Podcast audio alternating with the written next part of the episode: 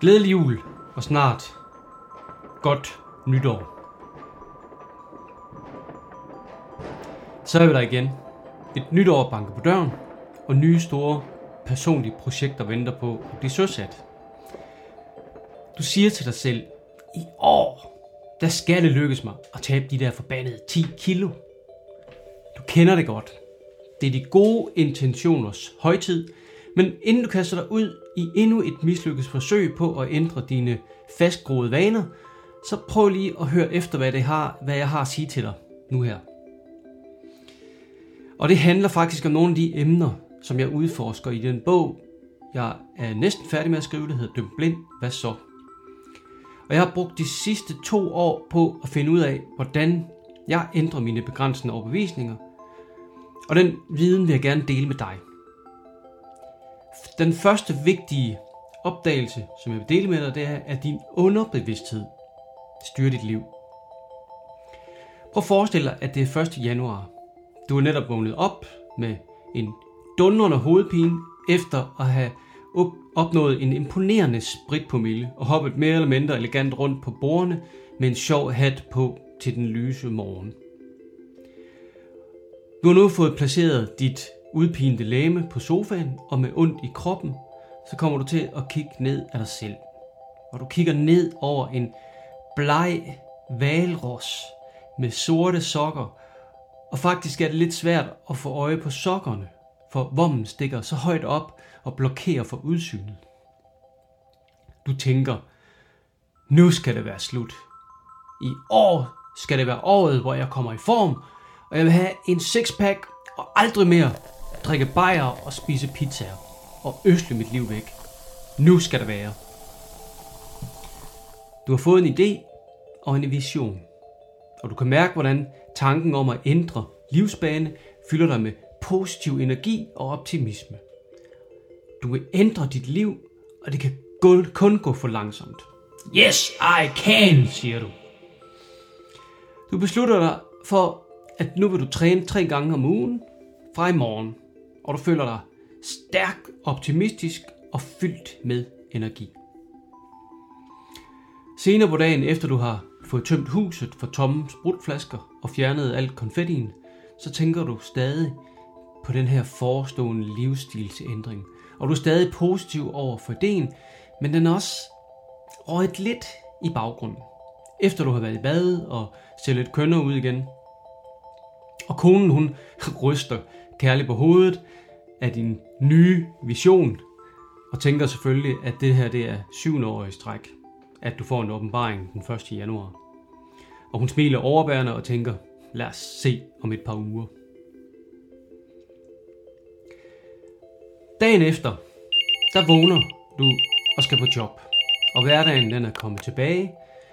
Du står op på den samme side af sengen, stikker dine fødder ned i dine yndlings hjemmesko og træsker langsomt ud på badeværelset.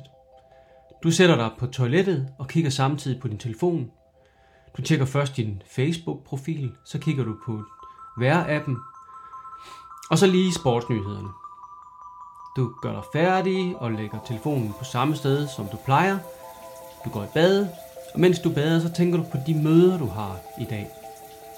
Og hvordan den uge, du skal igennem, kunne udvikle sig til at blive en af de travleste uger, du kan mindes nogensinde. Du kommer også tanke om, at du skal præsentere et projekt for ledelsen, og, og du er endnu ikke færdig med den her præsentation. Øh, det bliver en hård uge, tænker du. Du tørrer dig med dit yndlingshåndklæde og tager din yndlingstrøje og de gode gamle jeans på, som du i øvrigt har fire par af i skabet. Og de fungerer, så hvorfor lave om på det? Du træsker ud i køkkenet tænder for kaffemaskinen og news, og du hører med det ene øre, hvordan Trump igen har skrevet pinligheder på Twitter, og hvordan katastroferne i øvrigt vælter ned over verden. Du får drukket din kaffe og spist din morgenmad, og inden du når at opdage det, sidder du bag rettet i din Skoda Octavia på vej til jobbet, og ups, var det ikke mig, der også havde en Skoda Octavia? Hmm. Du tænker igen på dagen, der venter og kan allerede nu mærke nervøsiteten nærme sig for den præsentation, du skal give, og som du ikke er helt færdig med. Så du ankommer til jobbet, møder de samme kollegaer, der trykker på de samme følelsesmæssige knapper, og du gennemfører dagen. Får færdiggjort præsentationen og præsenteret for ledelsen, som i øvrigt øh, går helt fint, præsentationen altså. Og, og det ender jo, som det altid plejer at gøre. Og du kører mod hjemmet, og mens du sidder fordybet i tanker, så kommer du til at tænke på den måde, chefen henkastet havde sagt, øh, det var godt, den præsentation den var jo helt som den plejer at være. Hvad mente hun egentlig med det? Var den ikke god nok? Var den kedelig og forudsigelig? Er jeg kedelig og forudsigelig? Inden du når at opdage det, så er du kommet hjem til villakvarteret, hvor du træder indenfor og giver konen et kys på kinden, mens du begynder fortællingen om, hvordan chefen havde sagt til dig, at din præsentation var forudsigelig og kedelig. Du keder den måde, chefen dømte din præsentation på, og humøret er nu helt i bund. Du smider din taske på samme sted, hvor den altid står, og begynder at hjælpe med at lave aftensmaden. Mens I laver aftensmaden, så tænker du lidt over, hvordan du skal håndtere, at chefen ikke længere kan lide dig. Og inden du ser dig om, så har du lavet en lasagne. Helt automatisk. Du putter den i ovnen, og sætter ovnen til 30 minutter. Mens lasagnen bager, så kigger du lidt på Facebook på din telefon og ser, at naboen skal endnu en tur til Bali. Hvordan fanden gør de det? spørger du surt konen, som konkluderer, at de nok er belånt job over skorstenen. De spiser aftensmaden, mens de ser news, og alle sidder, hvor de plejer at sidde. Du drikker i dit yndlingsglas, det med rillerne på siden, og på samme måde som altid, så hjælpes alle med at tage af bordet og fylde i opvaskemaskinen. I får ryddet op, og snart er I endelig klar til at indtage sofaen. I sætter jer på stampladserne, og der bliver tændt for flimmerkassen, mens Facebook lige bliver tjekket.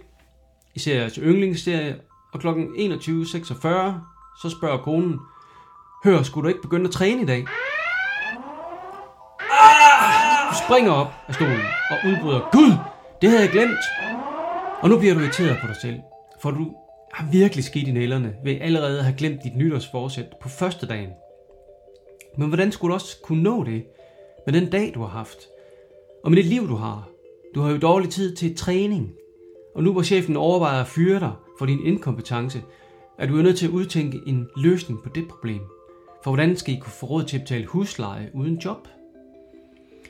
Men på samme tid, så kan du ikke skuffe dig selv og opgive dit nytårsforsæt allerede på første dagen. Hold kæft, hvor er jeg en taber. Du lover dig selv, at du i morgen vil tænke mere over dit nytårsforsæt, og ikke glemme det. I morgen vil du lade øh, dit nytårsforsæt fylde mere i tankerne, og i morgen bliver helt sikkert anderledes. Men først skal du lige have udtænkt en plan for, hvordan du kan beholde dit job. Se det her, det var en, en, en tænkt situation. Men hvordan kan det være, at det gik så hurtigt for dig at miste fokus på din nye drøm og ændre din livsstil og komme i form? Se, det er underbevidstheden, der er på spil her. Underbevidstheden, det er impulsive strukturer og forestillinger, der uden for bevidstheden og viljens kontrol er i stand til at influere på bevidsthedslivet. Og videnskaben har fundet ud af, at vi bruger 95-99% af vores vågne tid på at tænke tanker, på at løse tænkte problemer og gruble over fortiden og bekymre os om fremtiden, hvilket betyder, at 95-99% af tiden så fungerer vi gennem vores underbevidste programmer. For når vi tænker, er vi ikke i stand til at kontrollere vores krop med det bevidste sind, som er det sind, der får idéer og visioner og som planlægger. Altså det sind, der får en idé om, at nu vil jeg tabe 10 kilo. Psykologer og psykiater har ydermere fundet ud af, at de tanker, vi tænker 95-99% af tiden, primært er negative. 70% af vores ubevidste tankevirksomhed er negativ og bebrejdende. Så mens vi er fordybet i tankestrømmen, så kører kroppen gamle programmer, som hovedsageligt er skrevet til vores biologiske harddisk, da vi var børn. Så 95-99% af tiden, så kører kroppen på autopilot. Så det vil sige, at vi reagerer impulsivt på situationer, vi møder i hverdagen, med programmer, vi har downloadet primært, da vi var børn. Programmer, som ikke engang er vores egne, men vores forældres, deres forældres, deres forældres osv. Programmer for vores lærere, familie, Cartoon Network, Donald Trump, venner og hele den øvrige omverdens om overbevisninger. Så de gamle programmer huskes af kroppen hele livet og bliver vagt til live, når de bliver aktiveret af en følelse, eller en lugt, eller en anden kropslig impuls. Men nu kommer pointen med det her oplæg. Vi behøver ikke at leve med de programmer resten af livet. Øhm, for med bevidsthed i nuet, så kan vi bringe vores bevidsthedsevner i spil og omskrive de gamle programmer, vi har lavet på harddisken. Det kræver bevidsthed, repetition, repetition og repetition. I dagligdagen, der tænker vi ikke over, at de her programmer bliver afspillet, for vi opdager det sjældent. Vi har altid fokus på, hvad der sker uden for os, vores planer, ambitioner, fremtiden eller fortiden. Men det fokus, vi har, det flakker rundt og er konstant forstyrret af vores ukontrollerede tankestrøm.